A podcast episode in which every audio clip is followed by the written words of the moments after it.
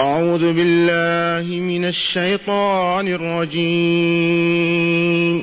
قل لا أجد فيما أوحي إلي محرما على طاعم يطعمه محرما على طاعم يطعمه إلا أن يكون ميتة. إلا أن يكون ميتة أو دما مسفوحا أو لحم خنزير أو لحم خنزير فإنه رجس أو فسقا أهل لغير الله به فمن اضطر غير باغ ولا عاد فإن ربك غفور رحيم. وعلى الذين هادوا حرمنا كل ذي ظفر ومن البقر والغنم حرمنا عليهم شحومهما. حرمنا عليهم شحومهما إلا ما حملت ظهورهما إلا ما حملت ظهورهما أو الحوايا أو ما اختلط بعظم ذلك جزيناهم ببغيهم وإنا لصادقون. فإن كذبوك فقل ربكم ذو رحمة واسعة. فقل ربكم ذو رحمة واسعة ولا يرد بأسه عن القوم المجرمين. معاشر المستمعين والمستمعات من المؤمنين والمؤمنات. قول ربنا جل ذكره قل لا أجد فيما أوحي إلي محرما على طاعم يطعمه إلا أن يكون ميتة أو دما مسفوحا أو لحم خنزير فإنه رجس أو فسقا أهل لغير الله به. أولا قوله قل من الآمر ومن المأمور؟ الله الآمر ورسوله صلى الله عليه وسلم هو المأمور. قل لا أجد يقول لمن لأولئك الذين حرموا ما لم يحرم الله وشرعوا ما لم يشرع الله وتقدم الحديث عنهم في الآيات السابقة. ما جعل الله من بحيرة ولا سائب ولا وصيلة ولا حام وحرموا على على الإناث دون الذكور وتصرفوا كأنهم أرباب ولا حق لهم في التحليل والتحريم. التحليل والتحريم حق من؟ حق الله لأنه هو الذي يعلم الضار والنافع يعلم ما يضر وما ينفع. إذ هو خالق الإنسان وخالق كل مقومات حياته. أما غير الله كيف يحلل أو يحرم؟ بأي حق؟ هل أحاط علمه بكل شيء؟ هل عرف ما يأتي به الغد؟ الجواب لا علم للإنسان إلا ما علمه الله. خلاصة القول أن الذين يحرمون ويحللون اعتدوا على منصب الربوبية وأصبحوا آلهة يشرعون ويقننون. فلهذا نقول يا ويلهم من غضب الله تعالى عليهم. ونستمع يقول تعالى لرسوله قل لهم لا أجد فيما أوحي إلي. أنا لا أحرم ولا أحلل. ولكن إذا أحل الله لي شيئا أوحى بحليته إلي. وإذا حرم علي أو على غير شيء أوحى إلي بأن هذا حرام. لا أجد فيما أوحي إلي أي من القرآن والكتاب. محرما على طاعم يطعمه والطاعم الآكل والطعام معروف. لا أجد فيما أوحي إلي من القرآن. والآية نزلت في مكة والصورة مكية. محرما على طاعم يطعمه ذكرا كان أنثى غنيا وفقيرا اللهم إلا أن يكون ميتا. فالميت حرمها الله على عباده لما فيها من الأذى والضرر على آكلها. نجس. من جهة وقذر وفيه أيضا آلام تترتب على أكلها. فما حرم الله الميتة وهي التي ماتت حتف أنفها بدون تذكية. هذه حرمها الله على عباده. فلا يحل لمؤمن ولا مؤمن أن يأكل لحم ميتة قل أو كثر.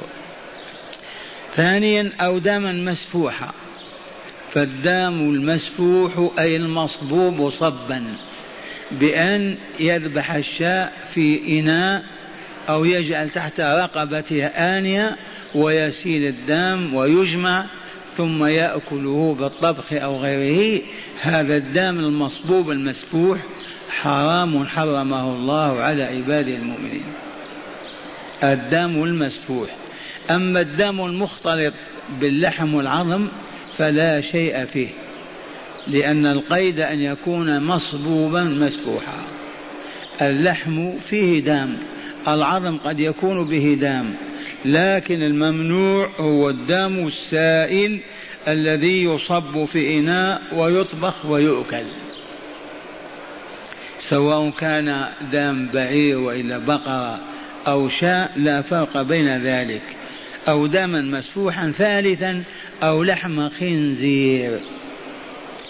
والخنزير حيوان معروف. وقد قلنا كلمة سبق أن سمعها الأبناء والإخوان أنه لا يغار على أنثاه.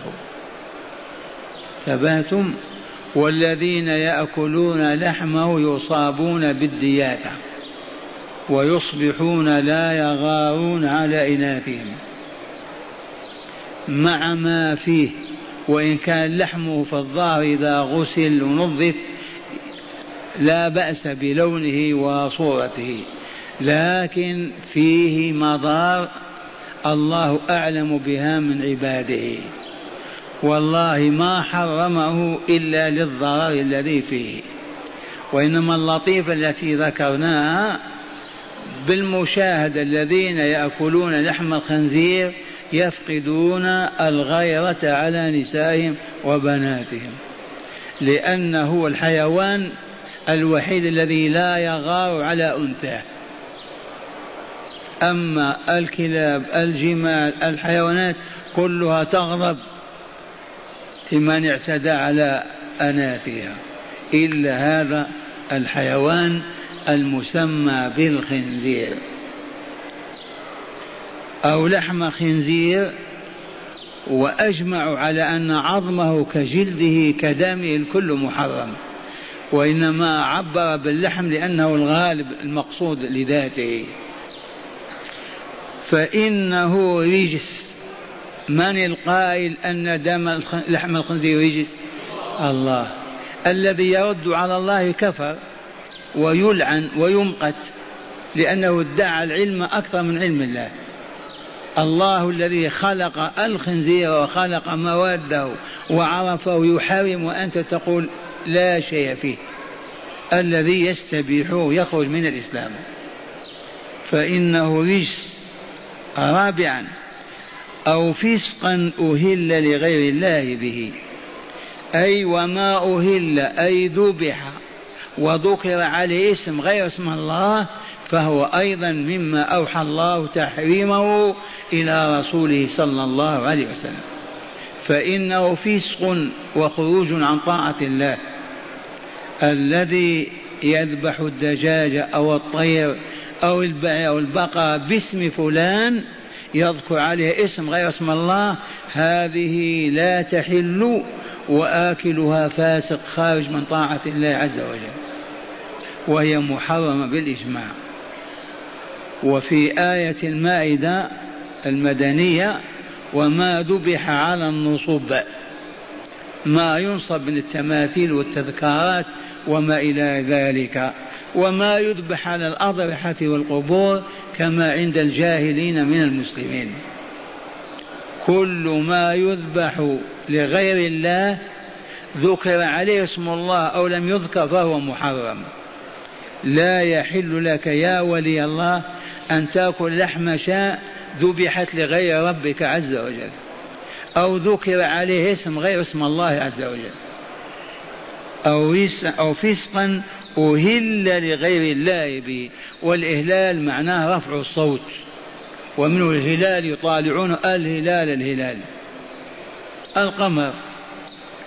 إذا فمن قال هذه لفلان أو باسم فلان هذه أهل بها لغير الله فلا يحل أكلها أبدا لأنها ما أريد بها وجه الله عز وجل وثانيا لأنه ذكر عليه اسم غير اسم الله عز وجل. والله عز وجل أذن لعباده أن يأكلوا لحوم الإبل والبقر والغنم والدجاج والطير لكن بشرط وهو أن يذكر اسم الله عليه. لو أن عالما ربانيا يذبح ولا يذكر اسم الله لا يؤكل لحم ذبيحته. لا بد وأن تقول بسم الله. ومعنى بسم الله هذا الجار المجرور متعلق بمحذوف. أحلت لنا هذه الشاء بسم الله عز وجل. أحل لنا ذبح هذا الثور أو هذا التيس بسم الله عز وجل. أي لولا أن الله خالق تلك البهائم أذن لنا يجوز أن نذبحها؟ يجوز؟ حرام. حيوان له كبد كيف تذبحه؟ اذبح إنسان ما تستطيع ولكن لما أذن الخالق وفتح الباب ومسح وأذن إذا نحن بسم الله نذبح. فالذي يذبح دجاجة أو طير أو شاة بغير اسم الله ما تؤكل. ولا تأكلوا مما لم يذكر اسم الله عليه. فالإهلال ورفع الصوت هذه لفلان أو فلان أو باسم فلان أو فلان. لا تحل أبدا ولا تؤكل. والذي لا يذكر عبد القادر ولا بدوي ولكن لا يسمي الله تعالى عليها لا تؤكل. الخلاف فقط في من نسي. أراد أن يذبح فنسي أن يسمي الله عز وجل. فإذا كان مسلما حقا صادقا معلوما يعفى عنه وتؤكل ذبيحته. لأن الله عز وجل رفع عن هذه الأمة الخطأ والنسيان. بقول الرسول صلى الله عليه وسلم إن الله تجاوز لي عن أمتي الخطأ والنسيان وما استكرهوا عليه. أما أن تقول سمي لقل لا أسمي الله فلا تحل ذبيحته أبدا وإن كان يصوم ويصلي.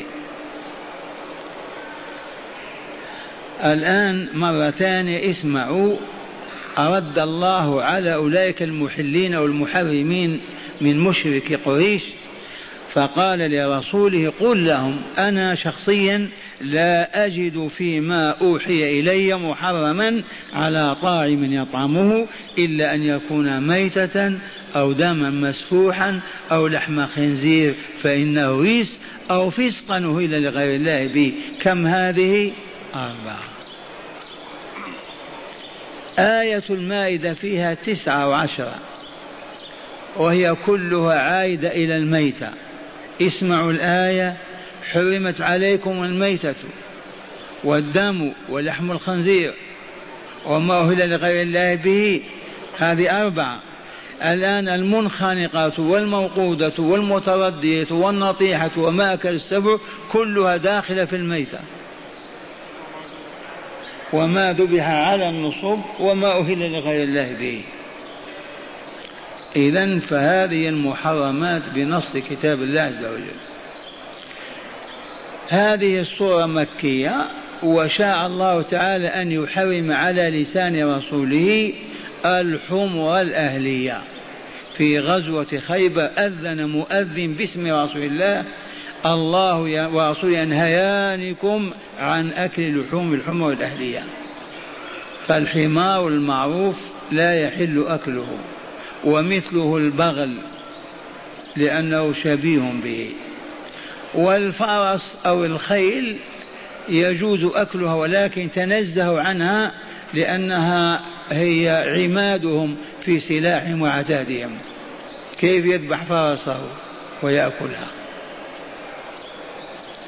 والله يقول والخيل والبغال والحمير لتركبوها وزينة ويخلق ما لا تعلمون فمن حرم الخيل حرمها لهذه الآية لأنها ذكرت ضمن المحرمات والخيل والبغال والحمير لتركبوها وزينة. والجمهور على أن الخيل تؤكل ولكن لم تذبح على عهد الرسول إلا مرة أو مرتين لأنهم في حاجة إليها.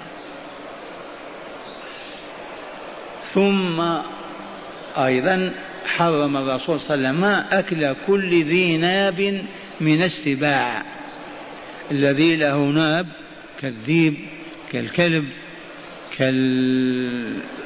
كالنمر الفهد كل ما, كل ما له ناب نهى الرسول صلى الله عليه وسلم عن أكله وحرم ذلك. ونهى عن أكل كل ذي ناب من السباع وذي مخلب من الطيور كالباز والعقاب والغراب الذي له مخلب. وما عدا ذلك فليس هناك ما هو محرم. الضبع ما له ناب. فلهذا لولا أنه يأكل الموتى والنجاسات يصح أكله لكنه يعيش على النجاسات فلهذا لا يكل حتى الشاة الجلالة عندنا ما توكل إذا كانت تعيش على العذرة حتى تطهر وتطيب. والشاهد عندنا في قوله تعالى قل لا أجد فيما أوحي إلي محرما على طاعم يطعمه إلا أن يكون ميتة أو دما مسفوحا أو لحم خنزير فإنه رجس أو فسقا أهل لغير الله به. كذا؟ لو قيل لك ما المراد بالمسفوح؟ ماذا تقول؟ المصبوب.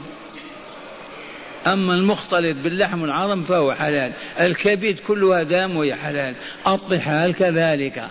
فالدم الحرام الذي توضع الشاء أو الناقة على إناء وتذبح ويجمع ذلك الدم ويطبخ.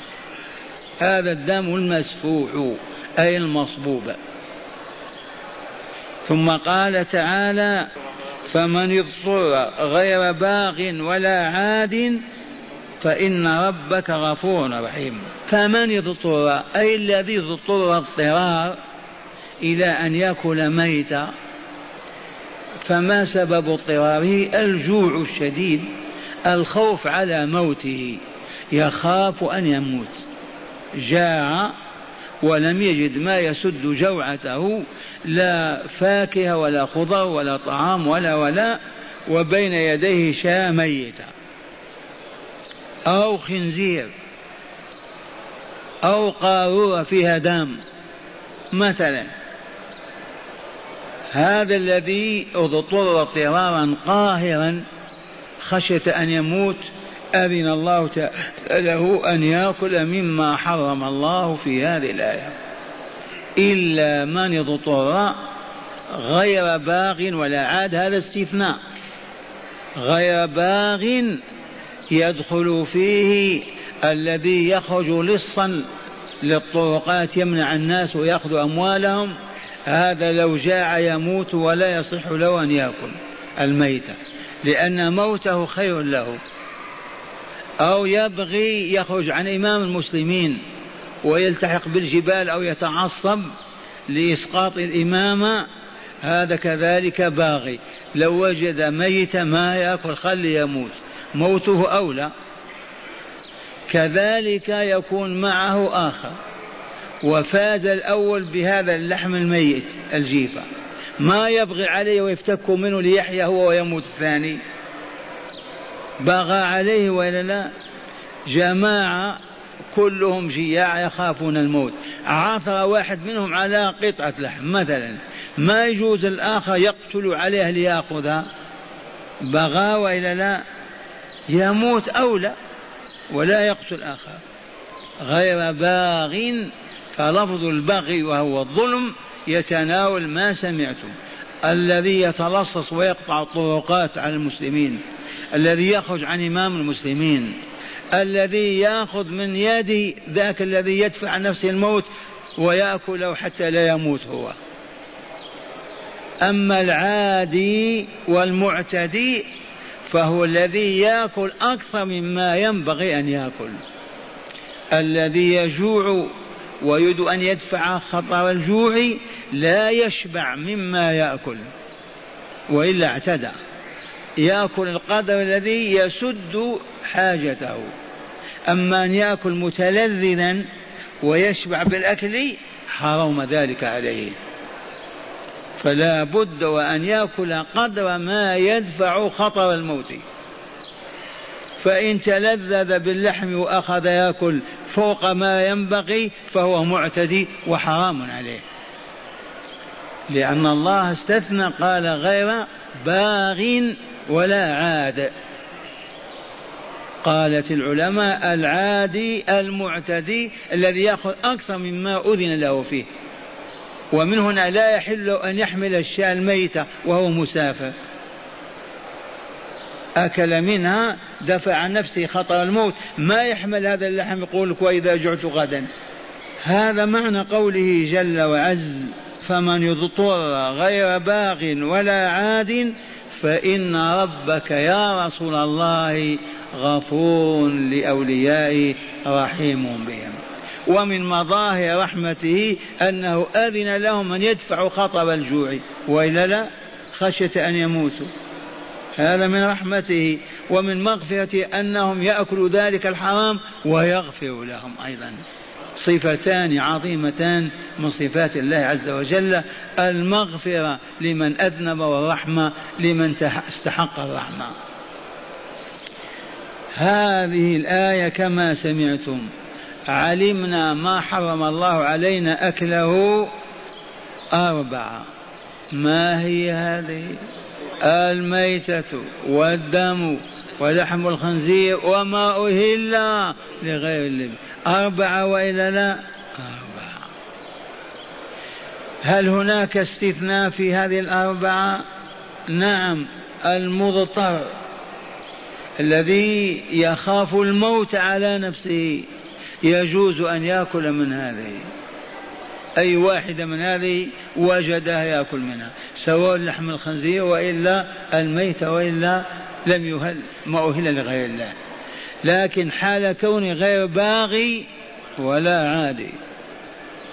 عرفتم الباغي؟ والعادي الذي يأكل أكثر مما ينبغي أن يأكل. أذن له أن يدفع خطر الموت عنه. ما يأكل يشبع ويتلذذ بما حرم الله. الآية الثانية يقول تعالى وعلى الذين هادوا حرمنا ما قصصنا عليك وعلى الذين هادوا حرمنا كل ذي ظفر. من المراد بالذين هادوا؟ اليهود. لماذا قيل لهم يهود؟ لأنهم قالوا إنا هدنا إليك أي تبنا ورجعنا إليك. لما حصلت تلك الجريمة منهم وطلب إليهم أن يتوبوا فقالوا إنا هدنا إليك. فقيل فيهم اليهود أي العائدين التائبين. لكن ما صدقوا. وعلى الذين هادوا حرمنا كل ذي ظفر. وهذا مجرد علم فقط عندنا. نحن لسنا منهم ولا نأكل ذبائح كل ذو ظفر معناه الإبل. وعلى الذين هادوا حرمنا كل ذي ظفر وهو صاحب ظفر وهو الحيوان الذي لا لا يفرق أصابعه كالإبل والنعام. الجمل أو الناقة هل لها أظافر؟ إذا كلها كتلة واحدة. البقر والأنعام كذلك. الماعز والدجاج هذه له أصابع يحل لهم. وإلى الآن المتقون منهم أو الملتزمون لا يأكل لحم الإبل ولا البقر ويأكلون الغنم. وعلى الذين هادوا حرمنا كل ذي ظفر من البقر والغنم. وعلى الذين هادوا حرمنا كل ذي ظفر مطلقا. كالأنعام والإبل. ثم قال ومن البقر والغنم حرمنا عليهما ماذا؟ شحومهما. يجوز أكل مثلا البقرة أو الشاء لكن المحرم هو الشحم. وعفي عن الشحم الذي يلصق مع اللحم في الظهر ومع الأمعاء. لكن الشحم المتكتل في البطن هذا لا يحل لهم أكله. حرمه الله عليهم عقوبة لهم. إذ قال تعالى وعلى الذين هادوا حرمنا كل ذي ظفر من الحيوانات ومن البقر والغنم حرمنا عليهم شحومهما إلا ما حملت ظهورهما أو الحوايا أو ما اختلط بعظم. فهذا معفو عنه. أما الشحم المتكتل في البطن لا يحل لهم أكله.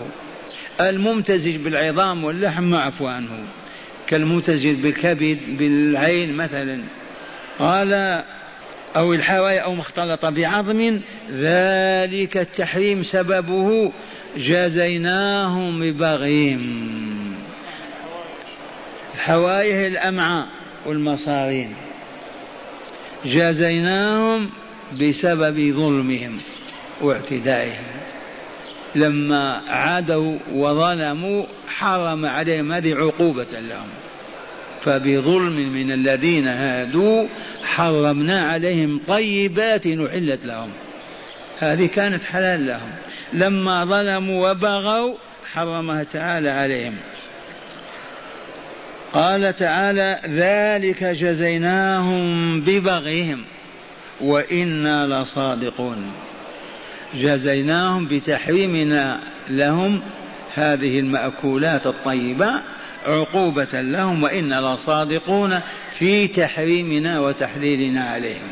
ولهم ثم قال تعالى مخاطبا رسوله صلى الله عليه وسلم فإن كذبوك يا رسولنا اليهود أو المشركون. جائز أن اليهود يكذبون الرسول. هذا الذي قلت ليس بصحيح. جائز أن يكون المشركون في مكة يكذبونك. فإن كذبوك فقل ربكم ذو رحمة واسعة. ولكن لا يرد بأسه عن القوم المجرمين. إذا كذبوك علمهم لولا رحمة الله الواسعة لكان ينزل بلاه عذابه عليهم. كيف تكذبون رسول الله صلى الله عليه وسلم؟ وهو يتلو كتاب الله. إن فرضنا هذا وكذبوك فماذا تقول؟ فقل ربكم ذو رحمة واسعة ولولا رحمة الواسعة لأخذكم وأنتم تحاربون دين وتعاندون في ملته التي جاء بها كتابه. ومع هذا ولا يرد بأسه عن القوم المجرمين. رحمة الله واسعة لهذا يمهل ويرخي الزمام وينتظر متى يتوبون متى يتوبون متى يعودون فإذا أصروا أنزل بهم نقمته. وفي قراءة هداية الآيات سوف نستنبط إن شاء الله هذه المعاني. مرة ثانية الشرح في التفسير. يقول المؤلف غفر الله له لكم ورحمه وإياكم يقول ما زال السياق في الحجاج والمحاجة مع أولئك المحرمين ما لم يحرم الله. ففي أولى هذه الآيات يأمر الله ورسوله أن يقول للذين يحرمون افتراء على الله ما لم يحرم. يقول لهم لا أجد فيما أوحي إلي وأنا رسول الله محرما أي شيئا محرما على طاعم يطعمه أي آكل يأكله. اللهم إلا أن يكون ميتة. وهي ما ماتت من الحيوان حتف أنفه أي لم يذكر الذكاة الشرعية لم يذكر الذكاة الشرعية. أو دما مسفوحا أي مصبوبا صبا لا الدم المختلط بالعظم واللحم كالكبد والطحال. أو لحم خنزير فإنه أي لحم الخنزير رجس أي نجس. قذر حرام. أو فسقا أهل لغير الله به أي ما ذبح ولم يذكر اسم الله عليه أو ذكر اسم الأصنام عليه فهو فسق أي خروج عن طاعة الرب تعالى الذي أمر من أراد ذبح بهيمة أن يذكر عليها اسمه ليحل له أكلها. هذا معنى قوله تعالى قل لا أجد فيما أوحي إلي محرما على طاعم يطعمه إلا أن يكون ميتة أو دما مسفوحا أو لحم خنزير فإنه ريس أو فسقا هل لغير الله به. وقوله تعالى فمن اضطر غير باغ ولا عاد أي غير ظالم بأكل الميتة وما ذكر معها وذلك بأن يأكلها تلذذا بها لا دفعا لغائلة الموت وهو كاره لأكلها أيضا ولا عاد غير متجاوز القدر الذي أبيح له وهو ما يدفع به غائلة الموت عن نفسه.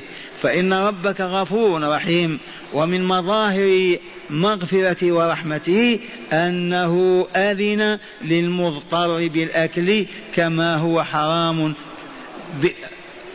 أذن للمضطر بالأكل مما هو حرام في غير الضرورة. هذا ما دلت عليه الآية الأولى. أما الآية الثانية فبعد أن بين تعالى أنه لم يحرم على المؤمنين غير ما ذكر من الميتة وما ذكر بعدها أخبر أنه حرم على اليهود أكل كل ذي ظفر وهو ما ليس له أصابع مفرقة مثل الإبل والنعام والبط والإوز. ومن البقر والغنم حرم عليهم شحومهما وهو الشحم اللاصق بالكرش والك والكلى.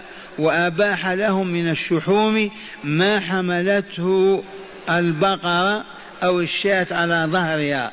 وما كان لاصقا بالمباعر وهي الحوايا جمع حاوية وكذا الشحم المختلط بالعظام كشحم اللية أو اللية وشحم الجانب والأذن والعين وما إلى ذلك.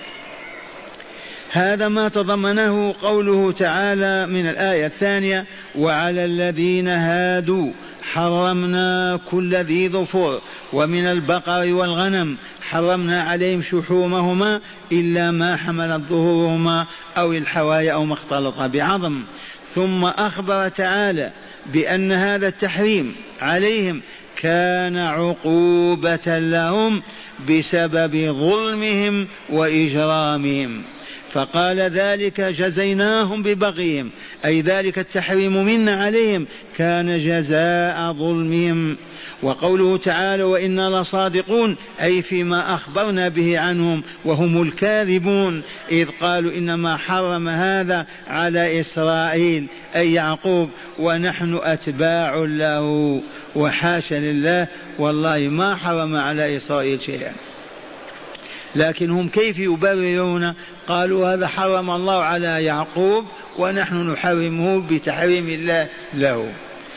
فأخبر تعالى أنهم لكاذبون وإنا لصادقون فيما أخبرنا به عنهم وهم الكاذبون إذ قالوا إنما حرم هذا على إسرائيل ونحن أتباع له. أما نحن فلم يحرم علينا شيء وإنهم لكاذبون. وقوله تعالى فإن كذبوك أي اليهود فيما أخبرت به عنهم فقل لهم ربكم ذو رحمة ذو رحمة واسعة ولذا لم يعاجلكم بالعقوبة. وقد كذبتموه وكذبتم رسوله وافتريتم على رسله ولكن ليس معنى ذلك أنكم نجوتم من العذاب فإنه فإن بأس الله لا يرد عن القوم المجرمين من أمثالكم معشر يهود. هداية الآيات أولا تأملوا حرمة الميتة وأنواعها. حرمة الميتة وأنواعها في سورة المائدة وهي المنخنقة والموقوذة والمتردية والنطيحة وما أكل السبع. ذي كله ميتة. وحرمة الدم المسفوح ولحم الخنزير وما أهل لغير الله به وما ذبح على النصب. وحرم الله بالسنة الحمر الأهلية والبغال وكل ذي ناب من السباع وذي مخلب من الطيور هذا حرمه الرسول بإذن الله عز وجل. ثانيا قد يحرم العبد بالذنوب من كثير من الطيبات كما حصل لليهود، قد يحرم العبد بذنوبه من كثير من الطيبات ما يحصل عليها ولا يظفر بها. عقوبة له كما عاقب الله اليهود. فهمتم هذه؟ قد يحرم العبد يحرم العبد بذنوبه الكثير من الطيبات يتمتع بها غيره وهو لا يحصل عليها. بذنوبه. ثالثا إمهال الله تعالى المجرمين لا يدل على عدم عقوبتهم. الإمهال والإنظار إلى أمد لا يدل على أن الله لا يعاقبهم بل يمهل الشعب والأمة إلى مئة سنة. ثم بعد ذلك يواخذ وينتقم. إمهال الله تعالى المجرمين لا يدل على عدم عقوبتهم. فإن بأس الله لا يرد عن القوم المجرمين. فإن بأس الله لا يرد عن القوم المجرمين.